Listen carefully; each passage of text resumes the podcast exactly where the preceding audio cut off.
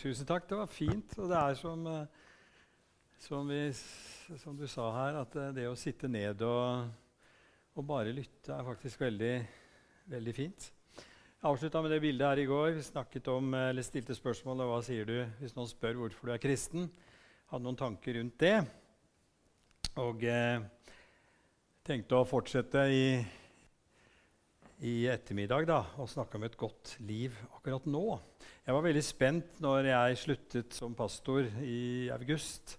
Hvordan blir det nå? Ikke bare det at jeg skulle gå og gnage på Lill hver dag, og alt det der, men hun er også pensjonist, selv om hun er to år yngre enn meg. to og et halvt år yngre enn meg. Men, eh, men hvordan er kristenlivet mitt nå? Er kristenlivet mitt så vevd sammen mitt personlige liv, så vevd sammen med den tjenesten som jeg har stått i 45 år, at bibellesning og bønn det er jobben min? Eller hva er mitt? Hva er mitt midt oppi alt dette? Jeg var ikke engstelig for at jeg ikke skulle finne noe der, men liksom, jeg plukka bort alt det andre um, som har vært rutinene mine, så måtte jeg stille det ærlige spørsmålet har jeg lest i Bibelen og bedt og på en måte gjort alle disse øvelsene eh, ene og alene fordi jeg har denne tjenesten, eller, eller er det mitt indre liv? Akkurat på den tiden som dette skjedde, så, så, eller den eh, forandringen skjedde, så åpnet de Nordkirken altså Indremisjonen, da, Nordkirken, Nordmisjonen i, i, Sandefjord, som ikke ligger så langt fra Salemkirken, eh, så åpnet de noe de kaller for Bønnehuset. Og Som prøvende så gikk jeg dit der, hver mandag mellom ti og tre. Eh, litt sånn innenfor oasesammenheng har jo det vokst fram. da. Og der fant jeg noe som kom til å bety veldig mye for meg. Jeg fant et rom. Eh, og det var jo i koronatid, dette, så det var jo på en måte satt ut ja, sånn spredt 15-20 stoler. da. Og Da kjente jeg at jeg fant noe som jeg kunne være i eh, hver mandag. Eh, og eh, opplevde på, en måte en sånn fornyelse i hva bønn egentlig er. Ikke bare å gjøre eller utøve, men være i et nærvær av, av, Gud. Og det opplevde jeg litt når dere sang nå. faktisk. Det var veldig fint. Det å være stille. Og kanskje den tiden her inviterer oss litt til Det er ikke så mye vi får gjort, men vi, vi, vi kan stille noen spørsmål, og vi kan også få lov til å være i dette, dette rommet. Da. Så har det vært litt vanskelig å åpne det igjen nå etter eh, jul. Så jeg lengter veldig tilbake til det. Jeg håper at det blir normaltilstand snart. Et godt liv nå. Vi har bare ett liv. Uten generalprøve kastes vi ut i dette livet. Den eneste trafikkregelen som gjelder hele tiden, er enveiskjøring. Vi kan ikke rygge og leve våre dager om igjen. Men er det da slik som det heter i Hakkebakkeskogen Gjort er gjort, og spist er spist? Med andre ord, du må alltid bære med deg konsekvensene av det livet du har levd. Hvis det er sånn, så kan iallfall den børa bli ganske tung, ja, altfor tung å bære.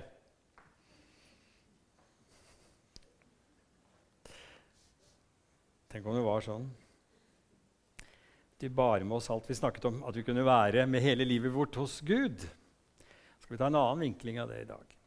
Jeg har nemlig lyst til å snakke litt om hvordan den kristne troen er relevant for det virkelige livet i et perspektiv, da, som er et trefoldig perspektiv. Vårt forhold til fortiden, vår plass i nåtiden og vårt håp for fremtiden. Det er liksom rammen rundt det livet. Vi er her vi er akkurat nå, med våre liv, uansett hvor vi kommer fra, hvor gamle vi er, hvem vi er. Men her er vi. La oss begynne med vårt forhold til fortiden. Det kristne budskapet det handler jo om dette vidunderlige ordet og vidunderlige tanken om at om ikke fortiden vår kan viskes ut, så trenger den ikke ha makt over oss. Og det er dette vidunderlige ordet tilgivelse. Det er ofte et misforstått ord. Det betyr jo ikke at du unnskylder hvis noen har gjort noe gærent imot deg. Og, og, og, og, du sier til deg selv 'nå må jeg tilgi'. Altså at det blir mindre alvorlig. At du devaluerer eller det, bagatelliserer det den andre har gjort. Eller for den saks skyld det du selv har gjort. Men du settes fri fra den andres makt over deg. Det er jo tilgivelsens hemmelighet. Manglende tilgivelse det fører jo ofte til bitterhet. Og Det er sagt om bitterhet at bitterhet det er en gift som du selv drikker, men du håper at andre vil dø av den. Det er farlige greier. Og Det kan jo hende at vi har kjent snev av det, og vi vet hva bitterhet kan føre til mellom mennesker. Men tilgivelse da, det er som å si 'Jeg vil ikke bruke det du har gjort, imot deg lenger.' 'Jeg er ferdig med det. Jeg er fri.' Og det er det samme Gud sier til oss. Han vil ikke bruke det vi har gjort, mot oss lenger. På Østlandet, oppe i Mjøndalen utafor Drammen, så bodde det en gang eh, Han var medlem av pinsemenigheten der, som er en forfatter som het Josef Haugen. Han var en sånn husdikter og skrev bøker og små dikt. Han har skrevet et dikt som jeg har lyst til å lese for dere, som heter 'Den glemsomme Gud'. Og Det står her, så du kan følge med. Men jeg syns det er så fint. Hør. Jeg har snakket med Gud igjen. Snakket om syndene mine. Jeg har syndet, sa jeg til Gud. Det vet jeg ingenting om, sa Gud. Men jeg har virkelig syndet, sa jeg. Det kan godt være, men jeg vet ingenting om det, sa Gud. Men du husker da vel at jeg Nei, jeg husker det ikke, sa Gud. Men jeg syndet jo så grovt, sa jeg. Det kan godt være, men jeg husker det ikke, sa Gud. Og så sa han, Syndene dine ligger der ute i glemselens hav og synker. Men jeg skal vel gjøre opp for dem? Jeg har gjort opp for dem, sa Gud. Men noen av syndene mine var jo Da ble Gud utålmodig. Ikke mas mer om syndene dine. Du synder ved at du ikke tror på det jeg sier. Da ga jeg opp. Takk, Gud, sa jeg. Takk at du har tilgitt meg alle mine synder. Hvilke synder? sa Gud. Sitat altså Josef Haugen. Ja, tenk over det. Jesaja sier, 'Du har kastet alle mine synder bak din rygg'. Det husker jeg vi sang i en barnesang da jeg var liten. Du ser dem aldri mer, du ser dem aldri mer. Som østen er fra vesten, er du langt fra meg, du ser dem aldri mer. Fint å synge som barnesang, men det er en fin sannhet å ta med seg hele livet. Det er som et brassespark, for han har tatt syndene våre og sparka dem, kasta dem bak sin rygg. Så det får være litt om vårt forhold til fortiden. Tenk å ha et sånt liv, et sånt budskap. Det har ikke makt over meg lenger. Det som ligger i fortiden, det er sunket i glemselens hav. Det er det kristne budskapet, det kristne tilgivelsesbudskapet. Vår plass i nåtiden. Hva får vi da? Jo, vi får en ny start nå. Og Det som er det spesielle med det kristne budskapet, er at dette nå på en måte kan være når som helst. På telefonen min så har jeg et, eh, noe som heter Ristart. Av og til så går det i kluss der. Og så finner jeg ut det at, og sånn er det på PC-en og sånn er det med disse moderne duppetittene. Det enkleste er rett og slett å ristarte hele greia. Oi, nå er det i orden igjen! Jeg har hatt behov for ristart i livet mitt mange mange ganger. Sikkert du også. Og dette nå det kan på en måte være når som helst. En slags ny start. Om øyeblikket nå. Og det er jo sånn at eh, i, i, den boken i Bibelen som, som pussig nok heter Klagesangen, så dukker dette vidunderlige verset opp, eller denne sannheten opp, altså midt i klagesangen. En skulle tro at alt der var bare død og fordervelse og, begra og begravelse og elendighet. Men der dukker altså denne vidunderlige sannheten opp. Én ting legger jeg meg på hjertet, og dette gir meg håp. Herren er nådig. Vi går ikke til grunne. Hans barmhjertighet tar ikke slutt. Den er ny hver morgen. Din trofasthet er stor. Vet du hva det er første du tenker på når du våkner om morgenen? Er det dagens gjøremål? Hva er smittetallene i dag? hva, hva hender? Og det er jo masse som opptar oss. Men tenk om dette kunne være det vi våknet med. Hans barmhjertighet er ny i dag. En ny start. Det andre vi får i øyeblikket nå, når vi skal finne vår plass i nåtiden, det er at vi har fått en ny kilde. For mange år siden, 85 år siden, faktisk sist høst, så var Lill og jeg i det som var karakterisert som et av verdens aller fattigste land på den tiden, i Afrika, på Afrikas sør-vestlige kyst, som heter Mosambik. Vi var da pastorfolk på Hamar, i pinsemenigheten der, i Philadelphia. Og gjennom eh, arbeidet med misjonærer så hadde vi vært med på å legge grunnlaget for et, et eh, gatebarnsenter i hovedstaden Maputo i Mosambik. Og vi var der. Og vi reiste rundt, og en fantastisk reise. og Vi feira og tenkte tilbake. Jeg tenkte så på det nå sist høst at det var faktisk 25 år siden. Og det har vært veldig mye glede rundt det, selvfølgelig. Og, eh, men en dag så, så sto jeg på denne søppelfyllinga. Og man tar jo bilder overalt. ikke sant? Og så ser jeg dette vanvittig grønne treet midt på en illeluktende søppelfylling. Altså det, det, var så heslig og, og fælt. Og det, det ble så sterkt for, for, meg og for oss. Er det mulig å være så grønn?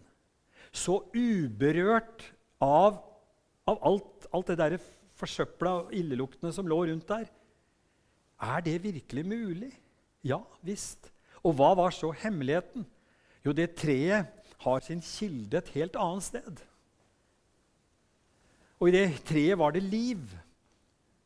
Så det var uberørt av, av den elendigheten som var i miljøet rundt seg. Det var, det var som en sånn mektig preken av noe av det Jesus sa en gang, eller ba, rettere sagt, i det vi kaller Jesu ypperste prestelige bønn. Altså den avsluttende bønnen som avslutter den lange talen Jesus holder i Johannes-evangeliet står den beskrevet fra det 14., 15. og 16. kapittelet. Men i det 17. kapitlet så ber Jesus for disiplene sine, sine venner. Og så ber han for alle dem som til, kommer til å komme til tro etter dem. Han ber i grunn for oss alle. Og den bønnen, den er slik jeg, jeg blir ikke lenger i verden, men de er i verden. Og jeg går til deg. Jeg ber ikke om at du skal ta dem ut av verden, men at du skal bevare dem fra det onde. De er ikke av verden slik jeg ikke er av verden. Og så har vi utledet dette begrepet som vi har sikkert prekt over og hørt og tenkt mange ganger. Vi er i verden, men ikke av verden. Og hva i all verden er det? Men det er jo akkurat dette som det treet.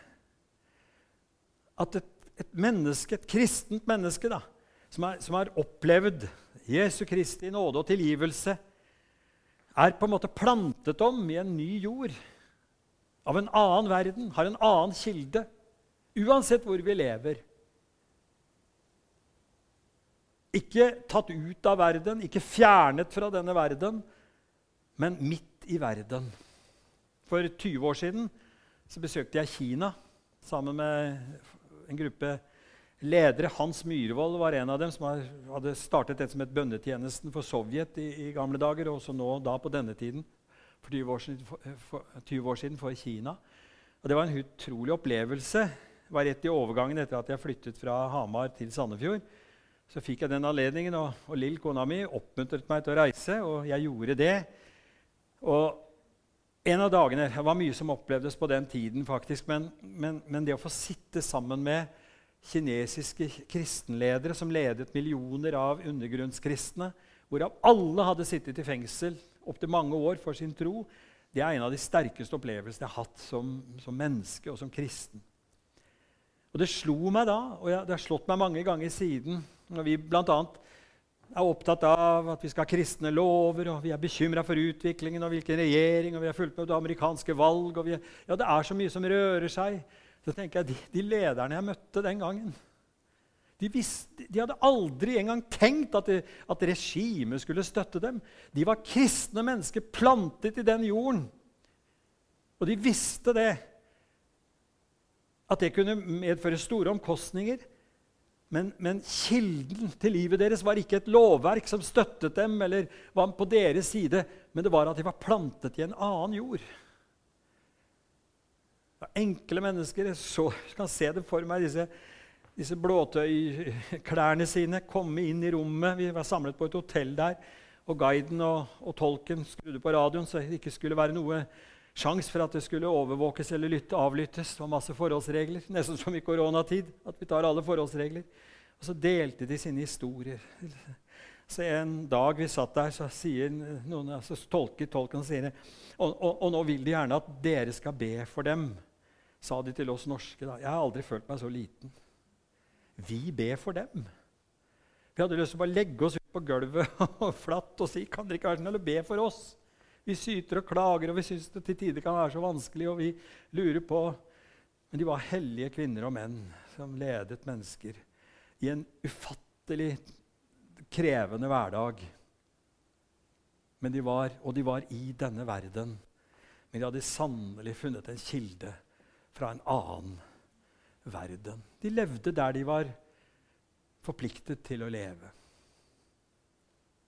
En av dagene så møtte vi gamle Alan Yuan, over 80 år gammel, en gammel kirkeleder.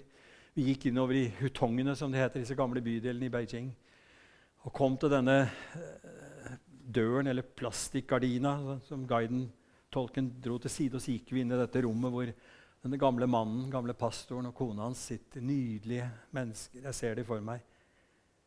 Og så hører vi deres historie. Alan Johan hadde sittet i fengsel nord i Kina i, i 22 år fra slutten av 50-tallet. Altså hele mitt liv, unge liv den gang, da. Eh, og, og, opp mot at jeg var voksen, mener jeg, 22 år. Og kona oppdro barna hjemme. Visste jo ikke hvor lenge dette ville vare. Hvordan overlever du, Johan? Eller Allan, sa vi til, til ham da. Hvordan overlever troen?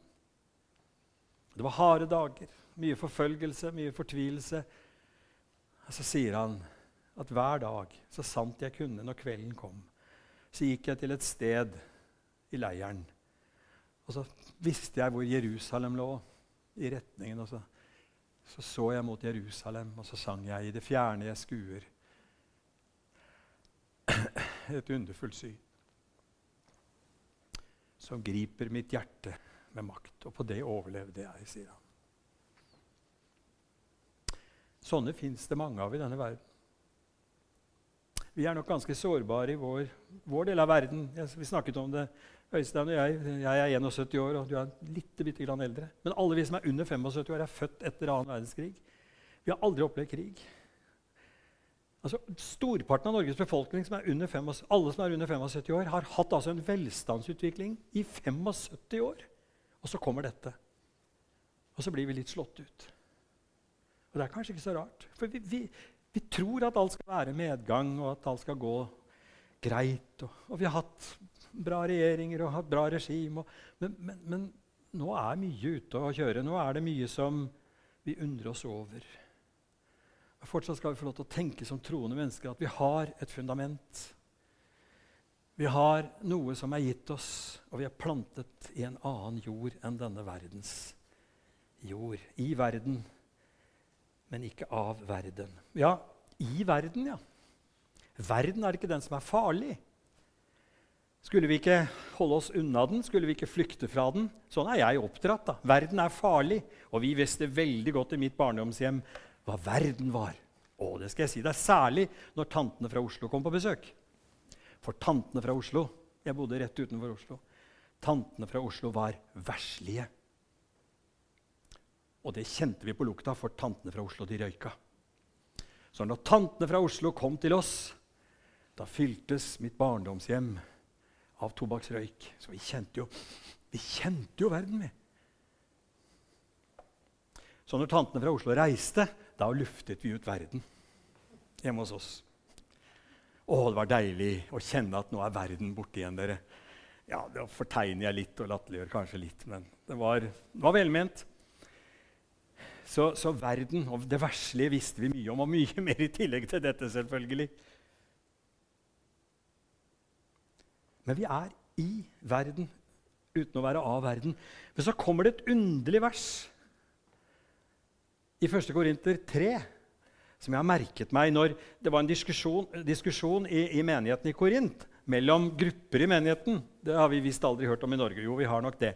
At det er grupper. Vi holder oss til den og vi holder oss til den. Og det er noe av det Paulus tar opp i begynnelsen av Korinterbrevet. At det var partivesen og alt det der. Og så sier han noe veldig, veldig fint. Alt hører dere til. Enten det er Paulus, Apollos eller Kephas.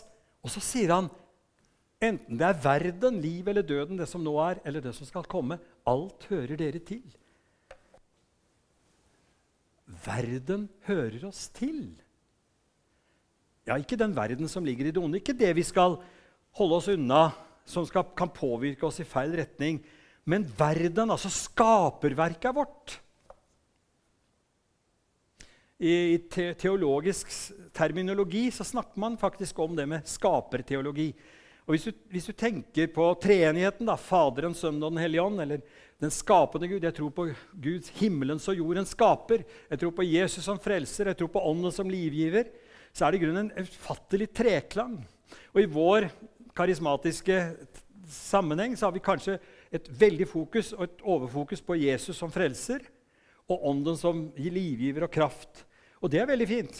Men vi har kanskje glemt et fokus på skaperen, på skaperkreftene. Så jeg vokste opp i en litt sånn ytterliggående tradisjon kanskje hjemme hos oss. F.eks. det med medisiner, gå til legen. og Mora mi var veldig opptatt av det der, at du kunne ødelegge troen.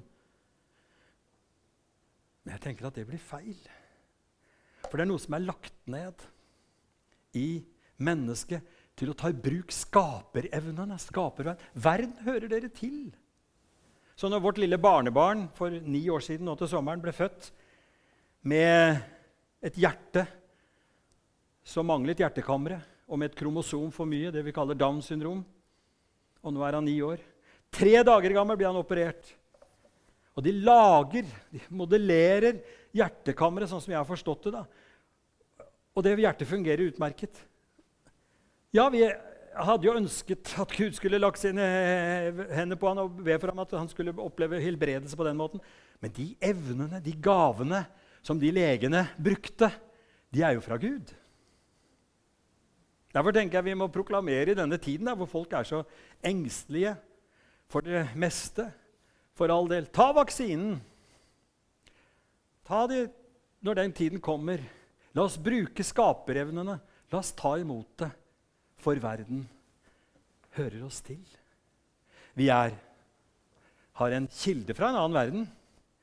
Vi er i denne verden, men samtidig så er vi en del av et skaperverk hvor vi får lov til å leve normale liv.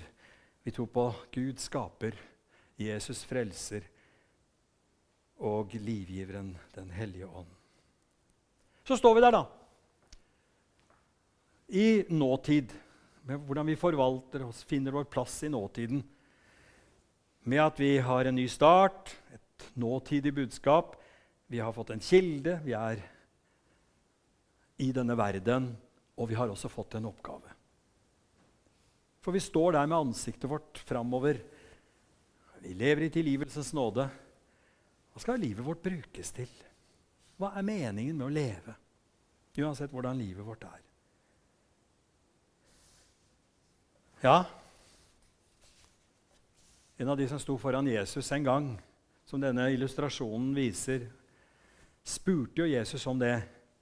Da sto en lovkyndig fram og ville sette Jesus på prøve. 'Mester', sa han, 'hva skal jeg gjøre for å arve evig liv?' Hva står skrevet i loven? sa Jesus. 'Hvordan leser du?' Han svarte, 'Du skal elske Herren din Gud av hele ditt hjerte' av hele din sjel, av all din kraft og av all din forstand, og de neste som deg selv. Det skal vi gjøre. Det er oppgaven, er det som Jesus sier til denne. Da spør man hvem er min neste? Da fortalte Jesus fortellingen om den barmhjertige samaritan. Og siden har aldri verden vært den samme. Den fortellingen snur opp ned på alt. Inntil den fortellingen så er det innenfor eller utenfor. Og jødene var jo veldig nøye med det. Innenfor eller utenfor. Og det Jesus gjør i den fortellingen, er et helt genialt trekk. Det er å bringe inn noe som gjør at ingen egentlig kan karakteriseres som utenfor vår rekkevidde. Og så avslutter han denne fortellingen med å snu til og med på den lovkyndige spørsmål. For den lovkyndige spurte hvem er min neste, som om man kan velge. Men Jesus sier når fortellingen er over, hvem viste seg som en neste? Altså som tar den situasjonen som dukker opp, uansett hvem det er, og viser seg som en neste. Og Det er det som er det spesielle her. For det spørsmålet som mannen sier, det kan jo, og, kunne jo, Hvis Jesus hadde besvart det direkte, 'Hvem er min neste?' så kan han si at det er naboen. Eller nabo betyr det jo. 'Neighbor' heter det jo på engelsk. 'Hvem er min nabo?' Kan jeg velge han på høyre side, som jeg liker bedre enn han på venstre side? Så kan man jo skalte og valte. Neste, og i, veldig mange kulturer så ligger jo nestebegrepet Det er klanen, familien, stammen. De har jeg ansvar for. Men det som er utenfor det, bryr jeg meg ikke noe om. Og sånn selvfølgelig tenkte jo jødene også. De hadde ansvar for sine egne. Men Jesus bryter dette mønsteret ved å bringe inn denne samaritaneren. Og eh, Ole Kristian Kvarme, tidligere biskop i Oslo, som er ekspert i hebraisk og også har bodd i Israel, jobbet i Israelsmisjonen i mange år, han sier det at denne, denne fortellingen har et veldig spennende grep, hvor Jesus bryter inn i en jødisk fortellertradisjon når han deler denne fortellingen. Om mannen som falt blant røvere, så kommer det en og drar forbi, og det er presten. Og så kommer det en annen og drar forbi, og det er levitten. Og I den jødiske fortellertradisjonen så burde tredjemann ha vært en israelitt. Altså en, i den jødiske, det er nesten som på norsk, norske folkeeventyr. Per, Pål og Espen. De to som var, på en måte dumma seg ut eller var uhederlige. Og så kom den raringen på slutten og reddet hele situasjonen. Lille Espen. Per, Pål og Espen. Og i, i jødisk fortellertradisjon så er det slik Israelitten eh, Unnskyld. Eh, presten, levitten og israelitten. Presten, levitten og israelitten. Presten gikk forbi, levitten gikk forbi, og så kom israelitten. Altså den vanlige israeler kom og forbarmet seg. Men Jesus sier ikke det. Og det er det de venter å høre, sier Kvarme. Men Jesus sier, presten gikk forbi, levitten gikk forbi, og så kom en samaritan. Hva? Det hører ikke hjemme i historien. Det bryter hele mønsteret. En utenforstående, en vi forakter, en vi ikke liker, en vi ikke har samkvem med. Vi husker fortellingen fra Johannes 4, Jesu møte med den samaritanske kvinne. Det var ikke forbindelse mellom jøder og samaritanere. Så bringer Jesus inn det. En utenforstående. Og det er, det er, jo sånn at Når Jesus da stiller det spørsmålet til slutt, hvem viste seg som en neste, så svarer ikke den lovkyndige samaritaneren. Han sier han som viste godvilje mot han, han som viste barmhjertighet mot han, sier han. Han greier ikke å ta ordet samaritaner i sin munn. Men tenk hva det har rystet den samtiden når Jesus forteller dette. Og det han sier er at For samaritaneren som kommer, så viser han seg som en neste. For Man må anta at mannen som falt blant røvere, var en israelitt, var en vanlig jøde. Men han tråkker over den grensen fordi han viser barmhjertighet mot den som kommer i hans vei. Det er vår oppgave, sier Jesus. Det er det. Å elske Gud og elske vår neste. Det er å gjøre akkurat det han gjør. Og Så beskriver jo selvfølgelig Jesus seg selv i den barmhjertige samaritan. Men så beskriver han også oss. Og Dette er kjennetegnet på, norsk misjon, nei, unnskyld, på, på kristen misjon. På det kristne har gjort i 2000 år, som har skilt seg fra alt annet, alle andre religioner, alt annet mennesker har gjort, og plantet i denne verden. Så på mange måter kan vi løfte hodet uten å være stolte, for det er mye som, for, som ikke har vært bra. Men, men, det at vi har vist denne verden hva, hva nestekjærlighet er, og lært denne verden hva kristendom dypest sett handler om, å elske Gud og elske andre mennesker, det er vår oppgave. Og det er klart I denne tiden med folkevandringer og innvandring og, og alles politiske og, og, og, vanskeligheter rundt det, så kan vi mene forskjellig politisk om det. Men vi som troende mennesker har fått en oppgave å praktisere som denne mannen og vise oss som en neste, uansett hvem det gjelder.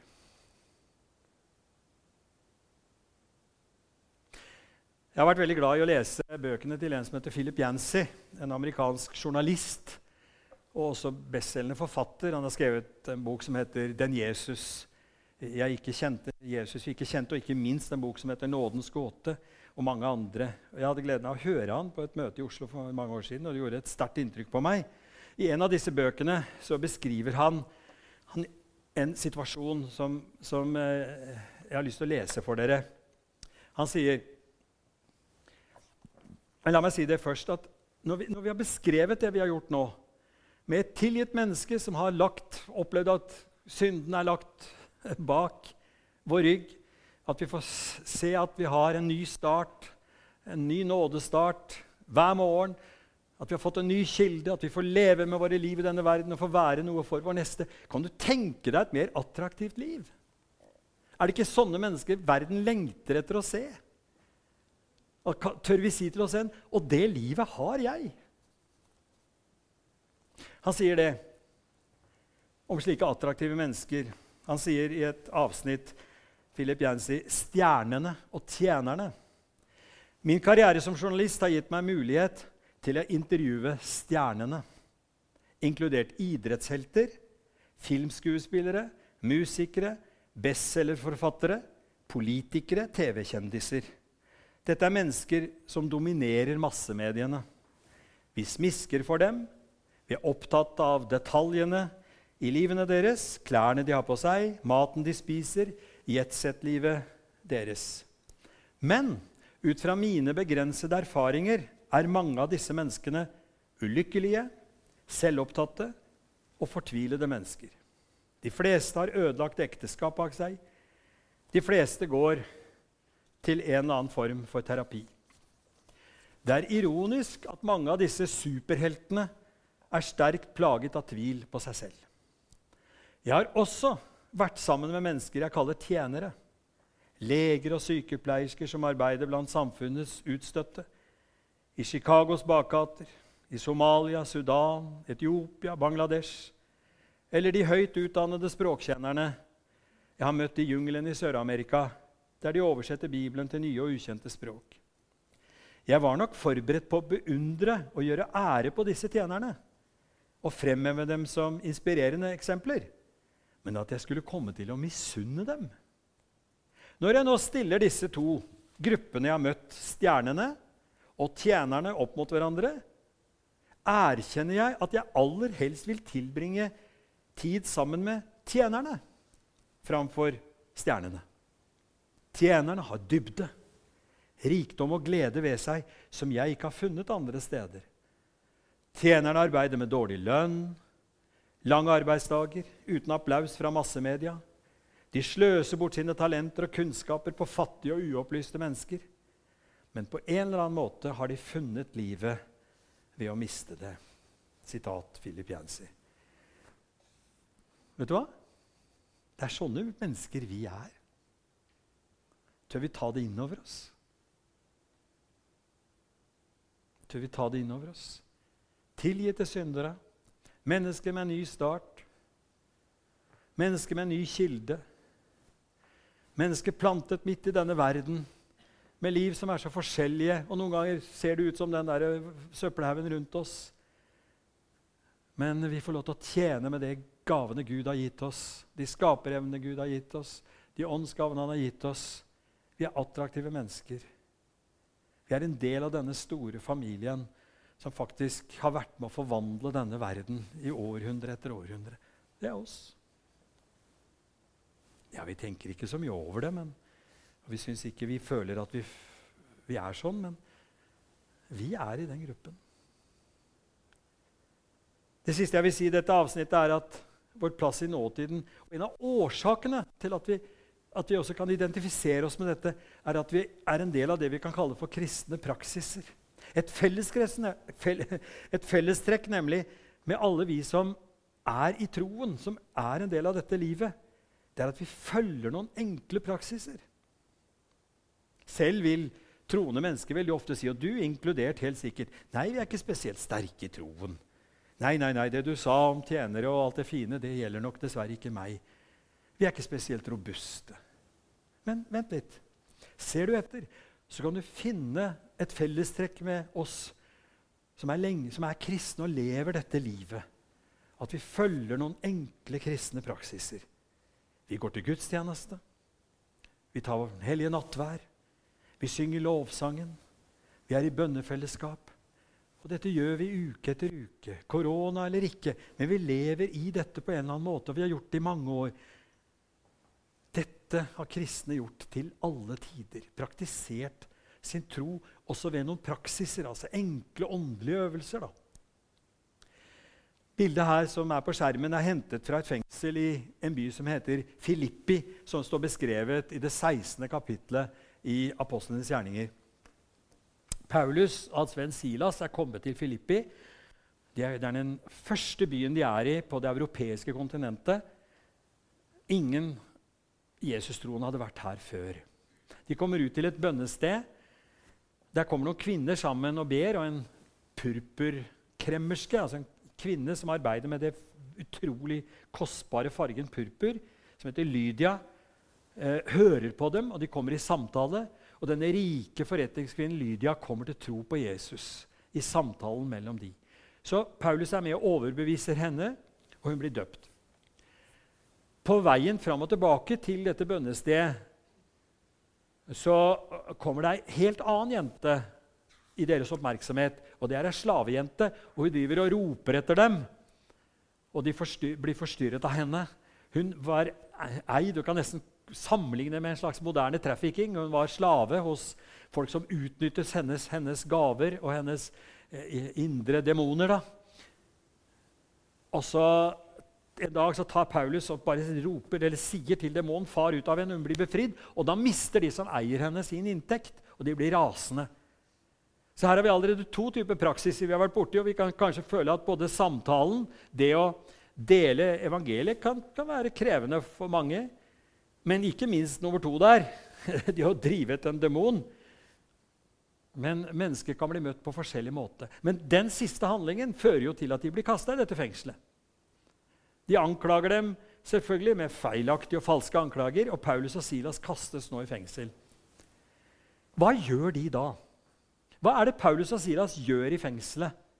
Ja, Nå handler det ikke om å drive ut demoner eller føre samtale med lengtende mennesker. Nå bare sitter de der, og så gjør de én bestemt ting. De praktiserer sin tro.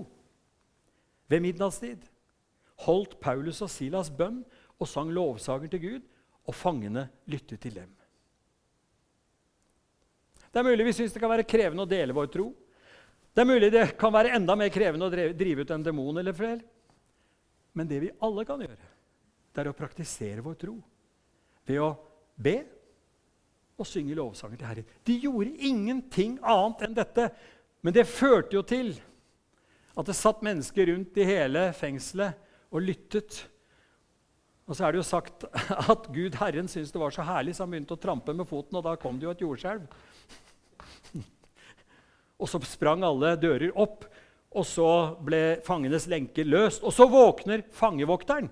Tenk den harde nøtta fangevokteren, sikkert en avdanka romersk soldat som hadde fått jobb som fangevokter. Han hadde slått dem og piska dem dagen i forveien. Han var en hard nøtt. Det var ikke så lett å overbevise han om troen og, og, og, og jobbe med han, men de gjorde ingenting annet enn å prise Gud. De praktiserte sin tro så faller denne fangevokteren ned for føttene deres og sier, 'Hva skal jeg gjøre?' Ja, for han, han vil jo drepe seg, for nå rømmer alle. Og da sier Paulus Det er jo helt utrolig. ikke sant? Alle fangene er altså nå løs, løst fra lenker, og alle dører er åpne. Og så sier Paulus, 'Slapp av. Ingen, ingen rømmer. Alle er her.' Han fikk en myndighet og holder alle der. Kan du tenke deg? Og Så slapper fangevokteren av, og da faller han ned for føttene til Paulus og sier han, 'Hva skal jeg gjøre for å bli frelst?' Han. han vet jo litt om hvorfor de er der. Tro på denne Jesus, skal du bli frelst, sa Paulus. Og så tar fangevokteren og vasker sårene.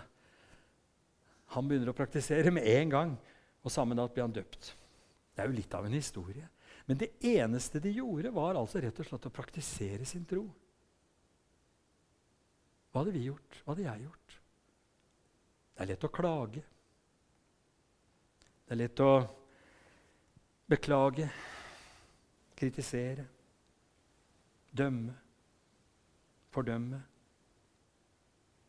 Og du kan tenke deg de lydene som var rundt i fengselet. Skrik, smerte, besvergelser, hat. Disse fangene som satt der. Men fra én celle lød en annen melodi. En helt annen, noe helt annet. Fordi de var av en annen verden, hadde en annen kilde, hadde et annet fundament. Hadde opplevd nådens forunderlige tilgivelse. Alt dette. Og i øyeblikket så hadde de ikke noe annet å gjøre der hvor de satt, enn bare å prise Gud. Og praktisere sin tro. Så har vi på en måte et lite riss av det vi kan snakke om. Vårt forhold til fortiden, vår plass i nåtiden og vårt håp for fremtiden, som er mitt siste punkt. Som dere så bor også jeg ved sjøen, men jeg er ikke så veldig båtvant. Jeg er ikke noe særlig god i båt. Jeg har litt dårlig balanse, og sånt, så jeg liker ikke så veldig godt det. Men nedenfor oss så ligger det mye båter. da. Og Av og til er vi ute med gode venner. Og da har jeg sett betydningen av ankeret. Det er fine greier når det går i bånn. Og så ligger båten stille. Så såpass peiling har jeg, da. Jeg siterte Trygve Skau i går med et annet sitat, men her sier han et sted Det er klart det er du som skal være ankeret mitt. Hvem vil ha et anker som ikke aner hvordan det ser ut på bånn? Det er jo det som er ankerets spesialitet. Det veit åssen det ser ut dypest nede. Og jeg har et sånt ankerfeste i mitt liv. Fra en som vet ser ut på bånn i mitt eget liv, i denne verden. En som er festet i dypet. Og det er Jesus Kristus, som er prøvet i alt, i likhet med oss, men uten synd. Det kristne budskapet handler både om det ankerfestet nå, men også det som er festet i fremtiden.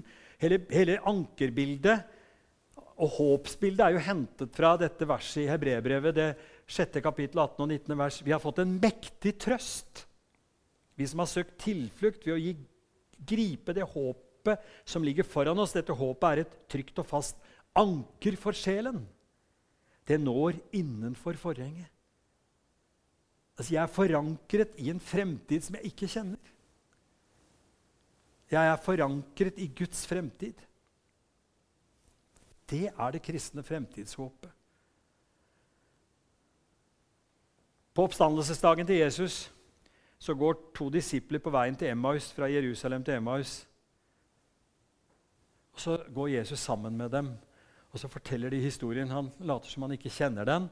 Er du den eneste i Jerusalem som ikke har hørt om det som har skjedd de siste dagene? Og så legger de ut, og så står de stille med sorgtungt ansikt. står Det Det er som en beskrivelse av et menneskes livsvei. Stopper opp for dem, sånn at vi kan stoppe opp for oss. Og så sier de følgende Vi håpet at det var han som skulle forløse Israel. Når håp blir fortid, da er håpet ute. Da er det håpløst. Vi håpet. Tenk på alle mennesker som har sagt det. Vi håpet på det ekteskapet, på det forholdet, på den jobben. På den regjeringen, på de menneskene, på den menigheten. Vi håpet endelig at løsningen var kommet. Men vi er så skuffet. Vi er så skuffet. Og det er, det er en menneskelig livserfaring i sitt mest utvidede. ikke sant? Vi håper, og vi blir skuffet. Og sånn var det for dem. Og så er det ganske fornøyelig, da, for det de håpet på, står jo levende rett ved siden av dem. Men det vet de ikke ennå. Og Så kommer de fram dit de skulle. Han går og deler ordet med dem, men de skjønner ingenting. Kom inn og bli hos oss, for dagen heller, sa de. En vakker bønn. Så gikk han inn og ble hos dem. Såpass vett hadde de. Vi må være sammen med han litt til. Og mens de bryter brødet, så blir øynene deres åpnet, og de ser at det er Herren. Og de skjønner at det, de håpet på, og som de nå trodde altså var fortid, det var fortsatt nåtid og fremtid. For Jesus lever. Jeg vet hvilke tanker jeg har med dere, sier Jeremia, eller Gud, Herren Jeremia, framtid og håp. Så har vi snakket om den kristne troen i vårt forhold til fortiden. Finne vår plass i nåtiden og det gir oss håp for fremtiden. Er ikke dette et herlig budskap? Er det ikke fint? Dette er vår tro. Det er dette vi har. Det er dette som er betrodd oss. Det er et stor, stor nåde. Og jeg tenker at verden lengter etter dette. This world is full of nice people. If you can't find one, be one. Verden er full av vakre mennesker. Hvis du ikke finner et, så vær ett. Skal vi be sammen. Herre Jesus. Vårt liv akkurat nå, her og nå, her vi sitter, i en spesiell tid. Felles for alle, og så har vi vår spesifikke historie med vårt eget liv. Og I denne miksen av både følelser og tanker så, så er vi her nå. La oss kjenne hva det gjør med oss, å høre om vårt forhold til fortid. Tilgivelsens budskap. La oss kjenne hva det gjør med oss, vårt, vår plass i nåtiden. Forholdet til en ny begynnelse, en ny nåde hver dag. En ny kilde. En plass i denne verden en oppgave å få lov til å være og praktisere en, en, nes, en nestekjærlighet på vårt nivå, på vår måte å praktisere vår tro med disse enkle øvelsene på tross av alt som går imot oss. Og kjenne det at når vi ser framover, så fins det et håp for fremtiden, for vårt liv er forankret i din fremtid. Og la oss tørre å si til oss selv kan noe menneske ha det bedre enn dette? Dette vil vi takke deg for, Jesus. Amen.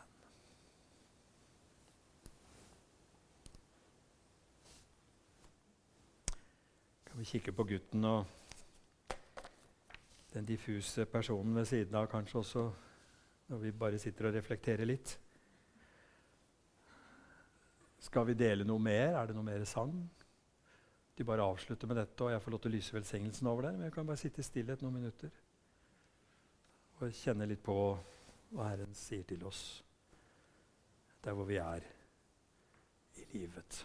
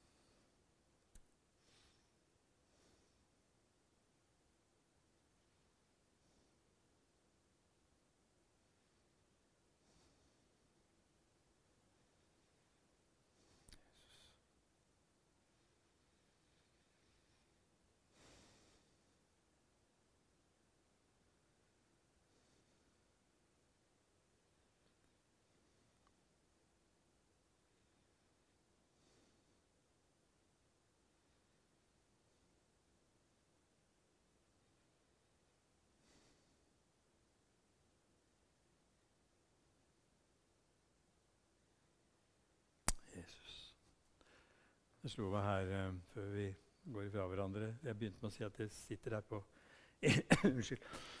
i Nordkirken på, på mandagene. da. Noen ganger kort, noen ganger lenger. Det var åpent fra ti til tre.